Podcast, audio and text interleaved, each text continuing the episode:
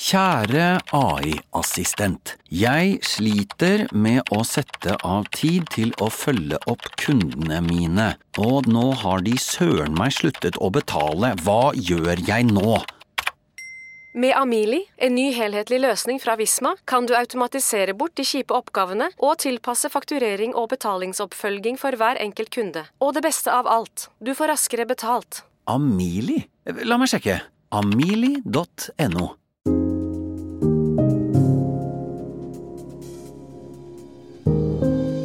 Fredrik og Kadafi, en podkast fra TV 2. I denne episoden skal vi snakke om sexvideoer av russ på avveie, og om farene ved kunstig intelligens. Her i studio sitter Fredrik Resvik. Kadafi Saman, han har forsvunnet. Kadafi, hvor er du? Nei, vet du hva, jeg er i Islamabad i Pakistan. Jeg måtte Oi. hit litt, eh, litt eh, spontant. Hva skjedde? Nei, det som skjedde var at uh, islamisten Arfan Bhatti, han mener jo norsk politi er hjernen bak terrorangrepet i Oslo i fjor sommer. Så han Aha. sitter fengsla i Pakistan. Han ble tatt av pakistansk politi, og nå vil norsk politi ha tak i ham.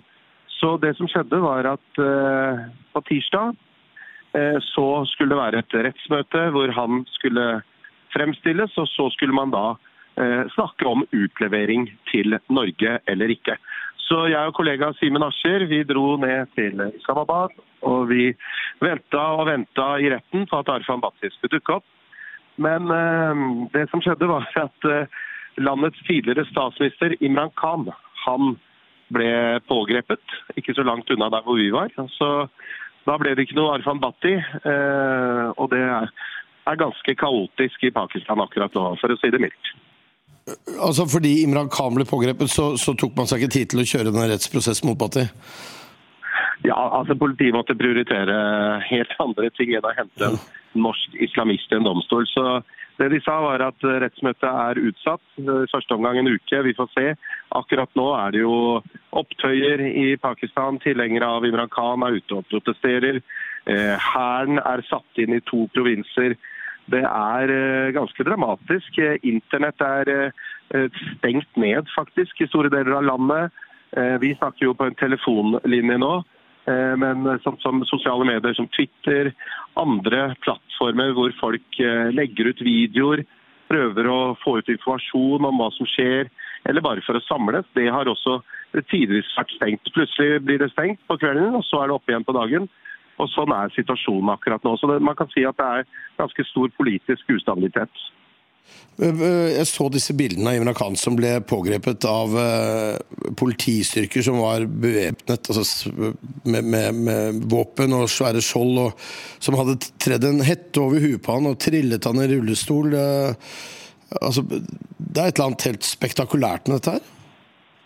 Ja, altså det at eh, statsminister eller tidligere statsminister Pakistan blir arrestert, det er man vant til. Det skjedde med forrige statsminister Nawaz Sharif, eh, Benazir Bhutto, Zulfkar Ali Bhutto. Helt, landet, helt siden landet ble uavhengig i 1947, så har alle de som har regjert landet, havna bak lås og slå. Men det som på en måte er eh, veldig spektakulært nå, er jo at det er straffesaker som er gående, som ikke er avgjort. Imran Khan var i retten for å prøve å forsvare seg mot eh, disse anklagene. Eh, og så mens han da er i domstolen, så kommer paramilitære styrker inn. Eh, de bryter seg faktisk inn og tar ham med. Så det er nok årsaken til det raseriet man ser ute i gatene nå. Og så har myndighetene svart og sagt at han er anklaga for korrupsjon, han er sikta på korrupsjon. Og han må også på en måte tåle etterforskning. Han må tåle å bli varetektsfengsla og kanskje dømt som andre politikere. Hvorfor skal han være hevet over loven? Eh, og Det de har sagt til demonstrantene, er at alle som nå angriper, enten det er offentlige bygg, militære anlegg eller gjør skadeverk, hærverk, de kommer til å bli straffeforfulgt. Så Det er en situasjon som eskalerer time for time. Eh, Hæren er satt inn, og så får vi jo se om det hjelper. Eh, Men det er trist. altså Pakistan er allerede under sterkt press. Det er inflasjon. De, de, de fattigste og de aller nederst på, i samfunnet på en måte har det svært tøft allerede. Og så kommer dette oppå, oppå det igjen. Men er det sånn at man frykter at eh, uroen vil eskalere, eller? Nei, altså Noen mener jo at uh, når militæret blir satt inn i gatene, så vil det skremme demonstrantene. Uh, pakistanske hæren nyter stor anseelse. Uh, og at de viser på en måte heller ingen nåde sammenlignet med f.eks. politi. De skyter med skarpt hvis de må. og det kan jo både eskalere situasjonen, men det kan også dempe den. Andre sier jo at eh, man frykter jo at hvis eh, dette ikke nå kommer under kontroll, hvis eh, raseriet på en måte sprer seg fra by til by, så vil jo da til slutt militæret gripe inn. Man vil erklære unntakstilstand, og også kanskje bare gjennomføre et kupp. og Det er heller ikke ukjent i Pakistans historie. og Du vet jo det, Fredrik. Du har jo vært i Pakistan mange ganger. Eh, nær halvparten av landets historie, så, så, er det jo generaler som har styrt. Siste var general Pervez Musharraf. Så det er det man frykter, iallfall eh, de kreftene som vil ha demokrati. For å gå tilbake til Arfan Bhatti. Hvor stor mulighet anser eh, norske myndigheter det er, tror du, for å få ham til Norge, for å rettsforfølge ham her?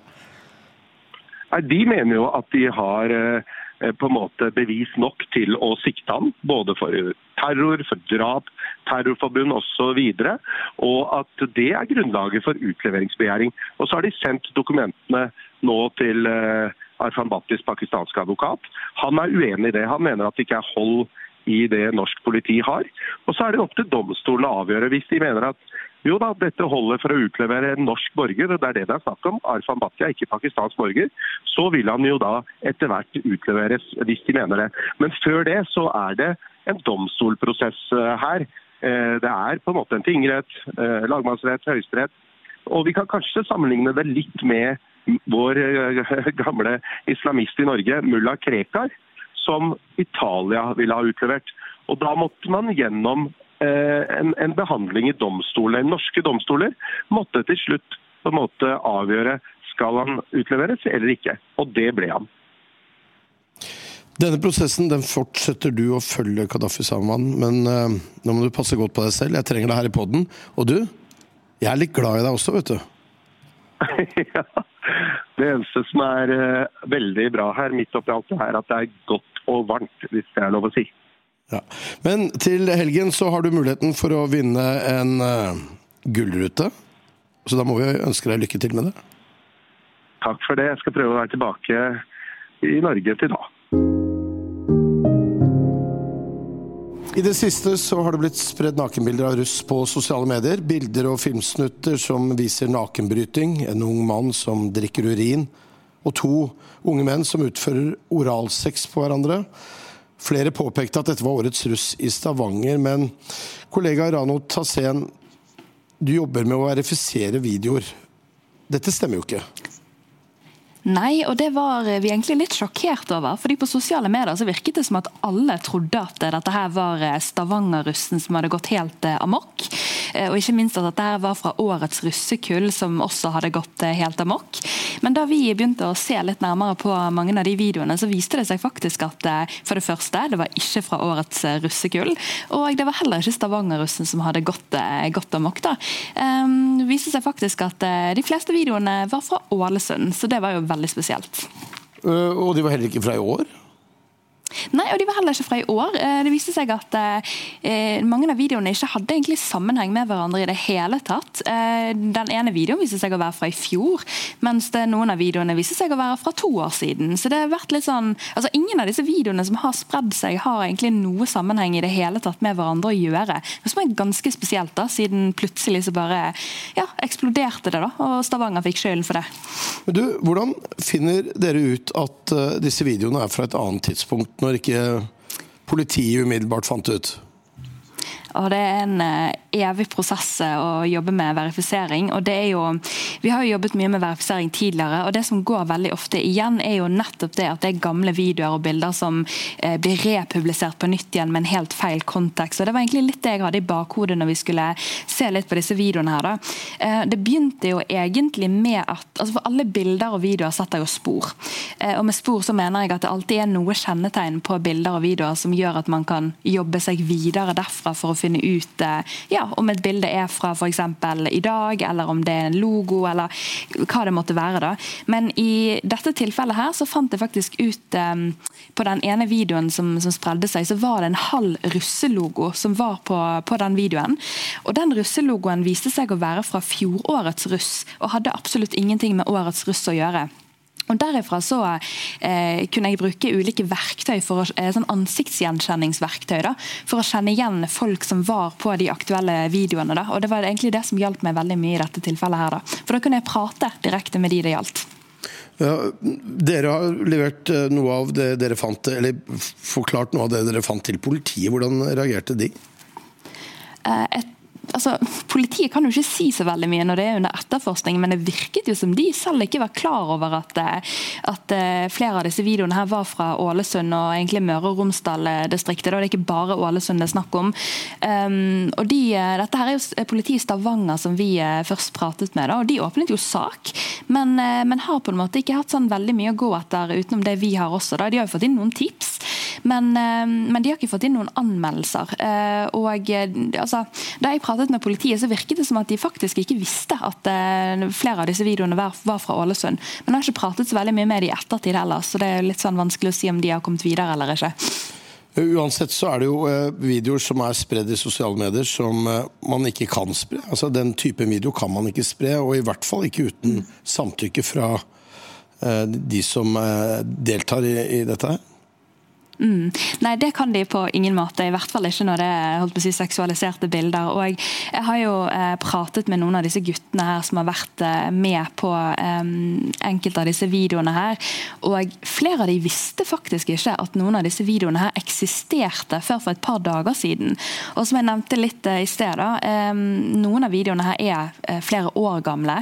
Og det å plutselig få en sånn video slengt i trynet eh, uten at man vet at det har eksistert en slik video, og plutselig så kjenner alle til den, det har vært eh, utrolig tungt for de som har vært eh, involvert. Så det er, mm, Politiet har jo selvfølgelig sagt at eh, det er veldig viktig at man ikke bidrar til å spre disse videoene her. Men det er jo ikke sånn at på TikTok og sosiale medier at man legger ut de aktuelle videoene. Her er det eh, ofte Snapchat eh, de unge brukerne bruker for å, for å spre innholdet. Da. Og Jeg så jo på noen av disse TikTokene som hadde spredd seg med folk som var sjokkert over over årets russ. Og under kommentarfeltet der så er det veldig mange eh, unge som driver og skriver å, kan noen sende meg videoene, kan noen sende meg videoene? Så det er jo altså, hundrevis av kommentarer fra unge som er utrolig nysgjerrige på hva, hva det går i, rett og slett. Dette kan jo få et rettslig etterspill, dette her da? Ja, Det virker jo litt sånn da, hvis politiet har åpnet etterforskning. og Nå har jeg snakket med noen av guttene som vurderer faktisk å gå til anmeldelse for denne saken her òg. Og det er jo opp til politiet og si, etterforskningen å vurdere det. da, men, eh, men, det er mye som tyder på at det kan faktisk få konsekvenser for de som, som har vært eh, involvert i å spre dette. Eh, for å gå litt tilbake til den typen arbeid du driver med, da, når du verifiserer videoer, så så vet jo jeg at eh, du har, eh, du har, gjort dette mye i forbindelse med videoer som kommer ut fra krigen i Ukraina. For å se om de opptakene vi får tilsendt til TV 2, og de opptakene som går ut til andre medier, om det faktisk viser det vi tror det er, eller det de utgir seg for å, å være. Kan ikke du fortelle litt om måten TV 2 og andre medier samarbeider om å få verifisert disse bildene på? Ja, Da krigen i Ukraina brøt ut, så merket jo vi at eh, det var flere tusen bilder og videoer som spredde seg eh, på sosiale medier. Og ingen av redaksjonene i Norge hadde kontroll på noe av det.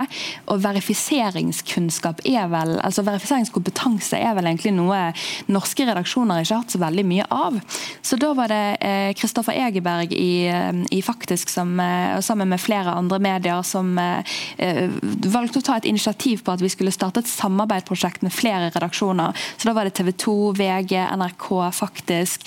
Veldig mange store redaksjoner som bestemte seg for å gå inn sammen for å nettopp få kompetanse i verifisering, og ikke minst kunne samarbeide om dette. her, sånn at um, vi hadde en felles hub for nettopp det store omfanget som var av videoer og bilder da, etter krigen. Og Det vi også har sett i ettertid når vi har uh, verifisert, er at veldig mange av bildene og videoene faktisk viser seg å være ekte, men det er i helt feil kontekst. Så alle disse eksplosjonsvideoene som har har spredd seg på sosiale medier, har gjerne vist seg å være fra krigen i Syria og helt andre eh, sammenheng. Da. Og Det er jo det som er skummelt, fordi at eh, det er jo propagandaføring, dette her. Har det, hva, hva vil du si er det groveste dere har avdekket? Oi. Uh, for å si det sånn, da. Jeg har vært med på å verifisere alt fra kastrering til uh, massegraver. Så det er uh, vanskelig å peke seg ut en spesiell hendelse. Men jeg må nok si at live kastrering var passe spesielt å følge med på. Og, og det var bilder som dere fikk verifisert var fra det området du utga seg for å være fra? Ja, den, akkurat den aktuelle videoen der eh, Jeg var bare med i startfasen av det, da, men, men vi så jo videoen, og de var helt eh, groteske. og Det skulle visstnok da være en russisk eh, eller russiske eh, soldater da, som kastrerte en ukrainer da, på holdt på å si, direkten. Men eh, altså, nei, det, det, er helt grotesk. Du skulle bare visst hvor mye videoer som har spredd seg der, som aldri burde sett offentlighetens lys. Rano, takk for at du var med oss, Fredrik og Kadafi. Før Kadafi stakk av gårde til Pakistan, traff vi teknofrik Torgeir Waterhouse. Straks får du høre om farene ved kunstig intelligens. Kadafi, du hørte om KI. KI Jeg vet at de fleste kaller det AI, men Ja, ja. Kunstig intelligens. Ja.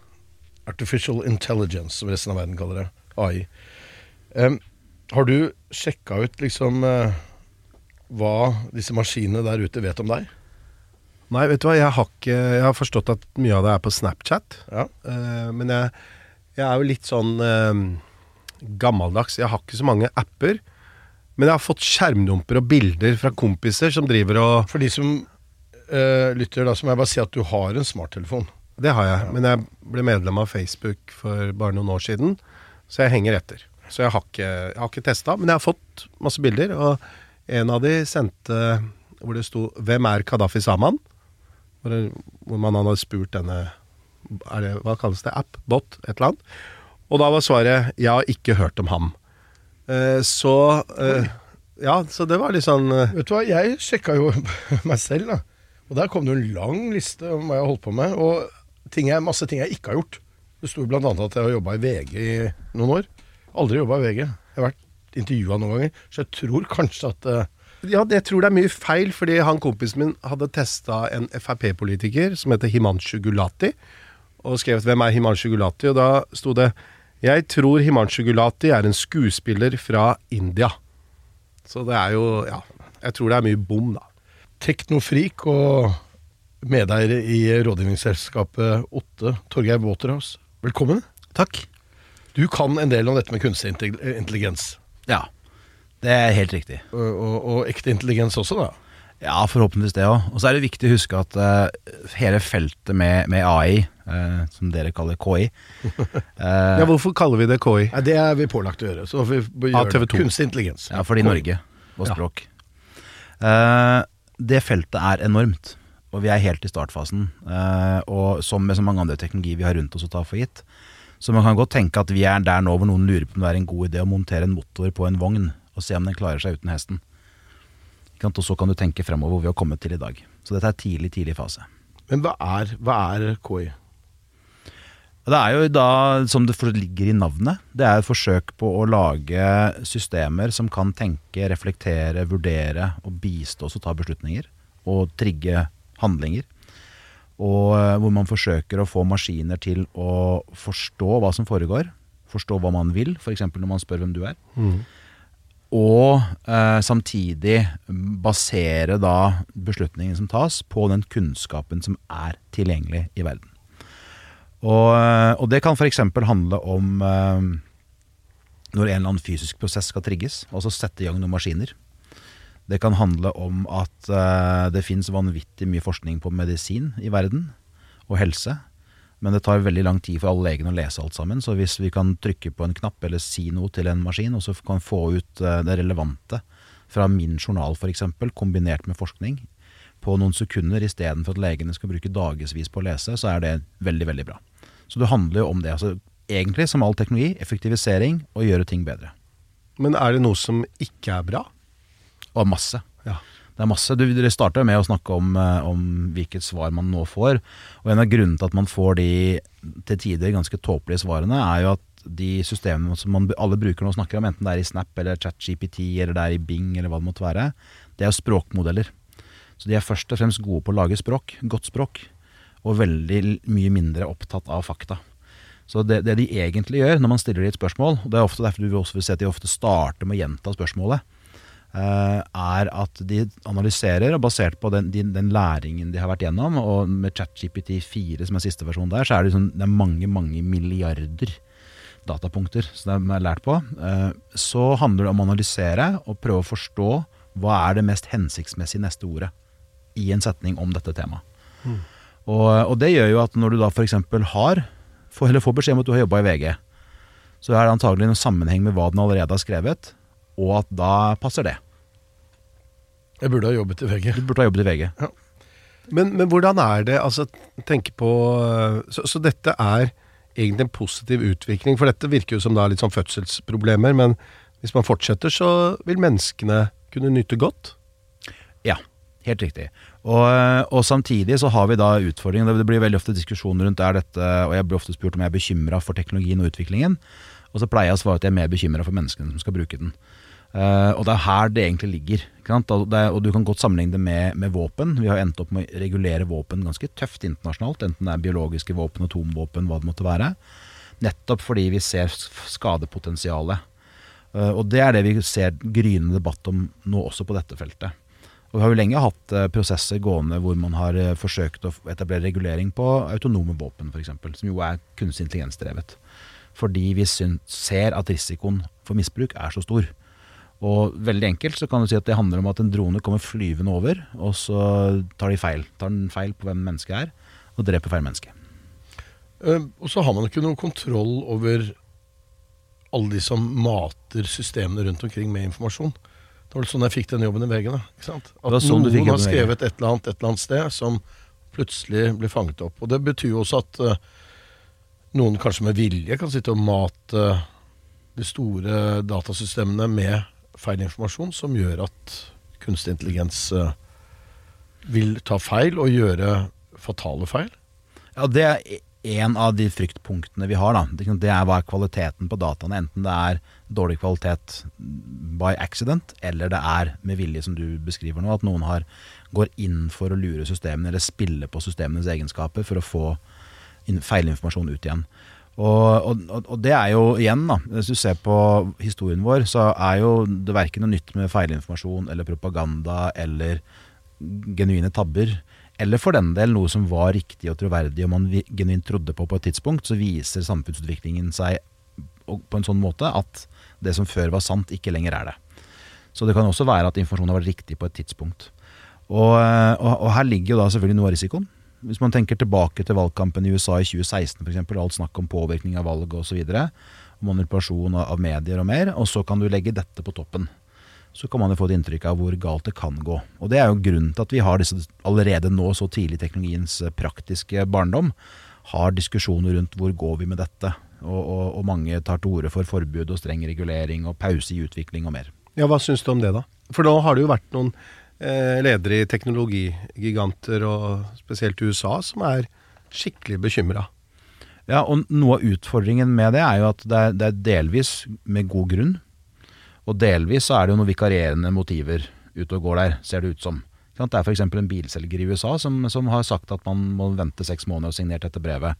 Og så brukte han ca. tre dager var, det vel, på å, å, annonsere at et annet selskap han driver med, skal utvikle tilsvarende tjeneste selv. Så, så det, det, det, å se hva som foregår her, er, er vanskelig, men, men, det er kjempeviktig. Og I tillegg til den dimensjonen så har du selvfølgelig det geopolitiske. Hvor du har tre bastioner egentlig i verden. Det er USA, EU og Kina som jobber med dette. Og alle sammen har interesse av å være fremst. Ja, for hvis det er sånn at uh, ja, folk i vestlige land da, skal bremse, så betyr jo ikke det at man bremser i Kina. Helt riktig. Helt riktig. Og det er noe av dilemmaet her. Og dette handler jo da om alt fra underholdning til hvordan mediesektoren utvikler seg. Hvem skal være, hva, hva, gjør dette med redaktørstyrte medier? Og over i helt andre dimensjoner som det geopolitiske. Og det spiller inn i, i, alt det vi har hatt gående av samtaler og praksis rundt handelskrig og handelsavtaler og mer i det siste. Hvem skal eie teknologien? Og hvilke kulturer, tradisjoner og historieforståelser er teknologien utvikla i? Og hvor kommer disse læringsdataene fra? En av de store utviklerne av eh, kunstig intelligens, Joffrey Geoffrey eh, Hinton eh, fra Google, han gikk akkurat eh, av og sa at han gjorde det fordi at han ville snakke om farene Mm. ved kunstig intelligens. Blir han nå stående som en sånn eh, helt i deres miljø? Ja, Gjenstår litt å se da hva han har tenkt å ta opp, men han, han sa jo det. Og det er mange som snakker om Oppenheimer moments nå.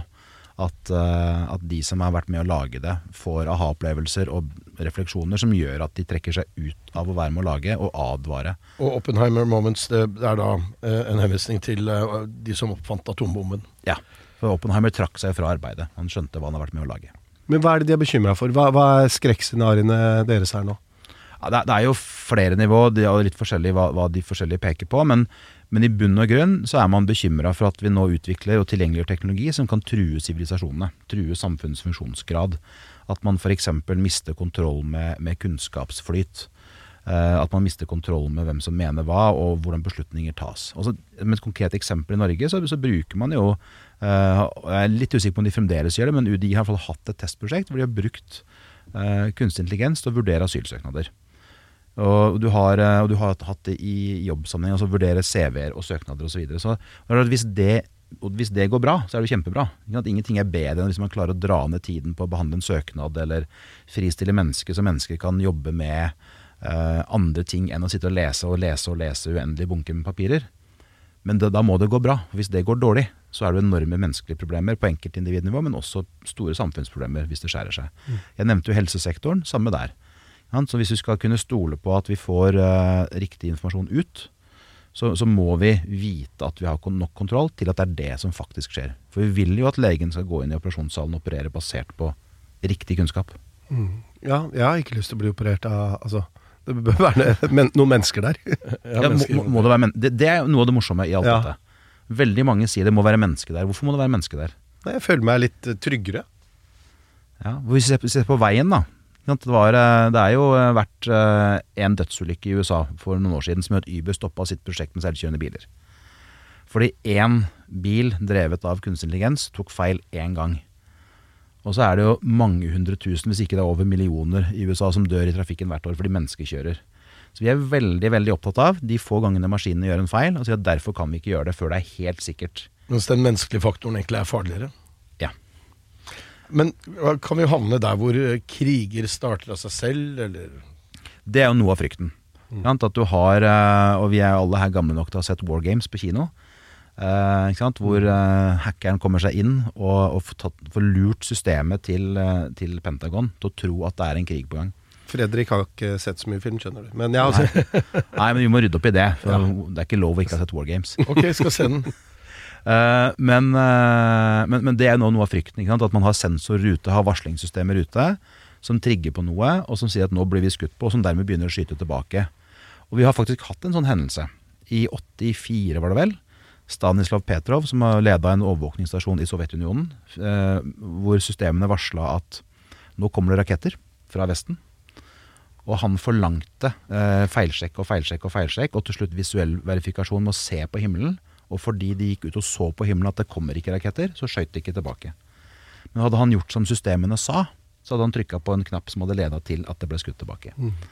Så, så det å ha, ha den kontrollen, og der nevnte også autonome våpen i sted altså, Det vi jo ofte snakker om, er hvordan skal vi innføre menneskelig kontroll, og ikke minst pause, så vi rekker å tenke i de store, viktige beslutningene. Og En av utfordringene for oss mennesker er at vi tenker jo forferdelig sakte sammenligna med disse store maskinene. Snakk for deg sjøl. Ja, nei, men det er fint, Da har vi løsninger på det. Da kan du være AI-operatør og så ta kontroll på, på våpensystemene. Ja, for dette er jo, det er jo litt sånn science fiction, ikke sant? Det man ser i filmer, at maskinene bare tar over og, og, og jakter ned menneskene. Ja, og der ligger også mye av manges frykt, og det er langt unna. Jeg tror ikke vi skal være bekymra for sånt i vår levetid. Men det er klart at eh, når vi, liksom har å gjøre med generasjoner som har vokst opp på sci-fi, vokst opp med Terminator-historiene, hvor Skynet overtar og utrydder menneskene, vokst opp med Stephen King-romaner og filmer basert på det, hvor maskinen overtar, så er det klart at da, da er jo det det vi tenker på fort. Og det kommer opp der, og så er det den frykten.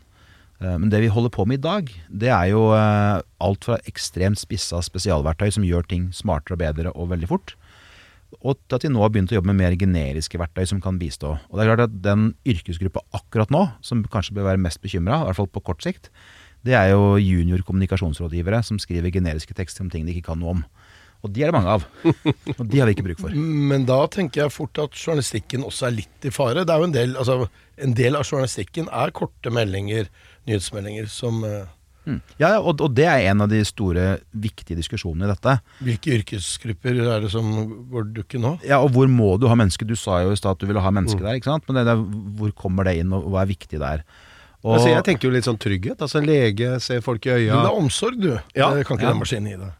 Nei, Nei men maskinen kan frigjøre legens tid fra tastatur og skjerm til å yte enda mer omsorg. Så bruke mer tid med pasientene og mindre tid med, med ark, med tekst på skjerm osv. Og, og der ligger noe av nøkkelen til suksess for menneskeheten og sivilisasjonen. Hvordan skal vi klare det? Mm. Men hvem er det i Norge, eller hvilke myndigheter er det som på en måte regulerer dette? Pass på at det ikke går for fort, og at man faktisk har kontroll da, med utviklinga? Grovt sett så er vel kanskje den triste virkeligheten ingen. Uh, men det er litt alle? Ja, litt alle. Og, og, det er litt sånn av akkurat det spørsmålet, så er det jo et direktiv på gang i EU som heter AI Act. Hvor man skal regulere kunstig intelligens. Og Der kobler man det opp mot risiko. så at, at Hvis man bruker kunstig intelligens noe som gjør at risikoen er høy, at det er et strengere krav til hvordan man gjør ting. Um, men det som, som, samtidig er situasjonen, er jo at uh, vi har allerede regulert f.eks. helsesektoren. Det er regulert ansvar og, og kontrollmekanismer for behandling av pasienter f.eks.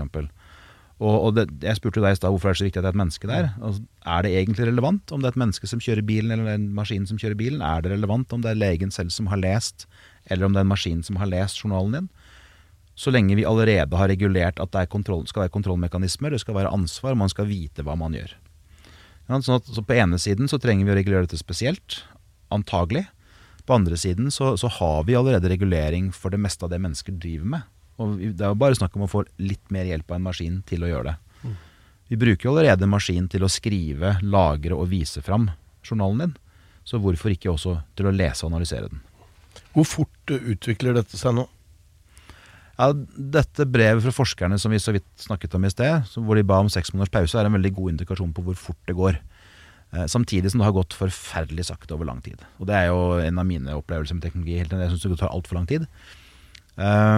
Eh, men de som har begynt å bruke ChatGPT 3 og 3.5 for ikke så lenge siden, eh, har jo fått litt inntrykk nå som fire har kommet, og de har akkurat satt utviklingen av fem på pause selv. Og det som vel går raskest, egentlig, det er jo det, det er en sånn kombinasjon av den ketsjup-effekten vi akkurat har hatt, med hvor mye man klarer å få til å gjøre noe. Det er sånn gått over en terskel. Men vel så mye menneskets plutselige bruk av det, altså mange menneskers bruk, men også forståelse av hvor fort det faktisk går, og hva som er mulig. Og Det har jo da både skapt litt panikk, men også skapt sånn masse ideer og vyer om muligheter framover. Og antagelig er vi allerede der at bare i 2023 så blir det spart inn vanvittig mye arbeidstimer i Norge på bruk av kunstig intelligens.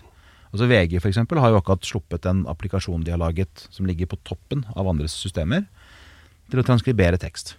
Og som er et fantastisk bra også på norsk. Fritt tilgjengelig. Hvem som helst kan bruke det. Og Der blir det spart mange mange timer i norske mediehus allerede. Er dette et eh, kappløp nå? Altså Litt sånn som hvem lander først på månen? Ja, det er det. Det er et kappløp, og det er et kappløp mellom land og deler av verden, også som jeg nevnte Kina, USA EU. Men det er også et kappløp mellom selskaper. Hvem er det som skal eie alt dette? Hvem er det som skal ha kontroll med dette? Hvem er det som skal klare raskest mulig å ta det i bruk i sine systemer for å gjøre ting mer effektivt? Um, og uh, hvis vi bare tenker på uh, konkurransen i egentlig enhver sektor i Norge Når uh, det er en norsk nettavis som har startet med å lage kulepunktoppsummering i toppen på nettsakene automatisk. Som en sikkert har tatt en journalist kanskje ikke mer enn 20-30 minutter. Men likevel så er det der automatisk. og Journalisten kan bare se over og passe på at det ikke er feil, og gå videre. Og Hvis du har 100 journalister, og det tar 30 minutter for hver gang du skal gjøre en sånn ting hver dag, så har du plutselig fristilt masse kapasitet som du kan bruke i konkurransen med de andre, eller mot de andre. Så, så I det perspektivet så er det kappløp på enkeltaktørnivå. Det er kappløp på mange måter på, blant ansatte. Altså hvis dere, Vi fikk jo spørsmål på en, på en samtale her om dagen om, uh, om, om, vil, vil, kunstig intelligens jeg Sa jeg det? artificial intelligence, AI, vil det ta jobben til journalistene? Eh, antagelig ikke, men det vil ta jobben til de journalistene som ikke behersker det.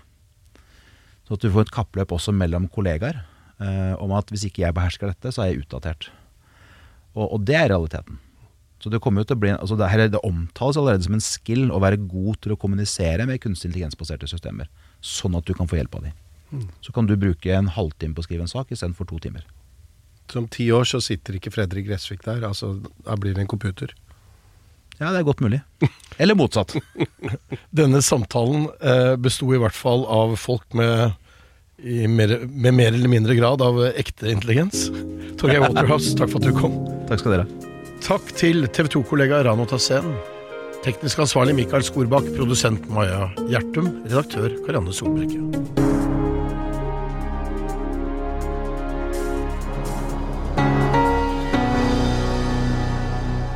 Denne podkasten er produsert av Bauer Media for TV 2.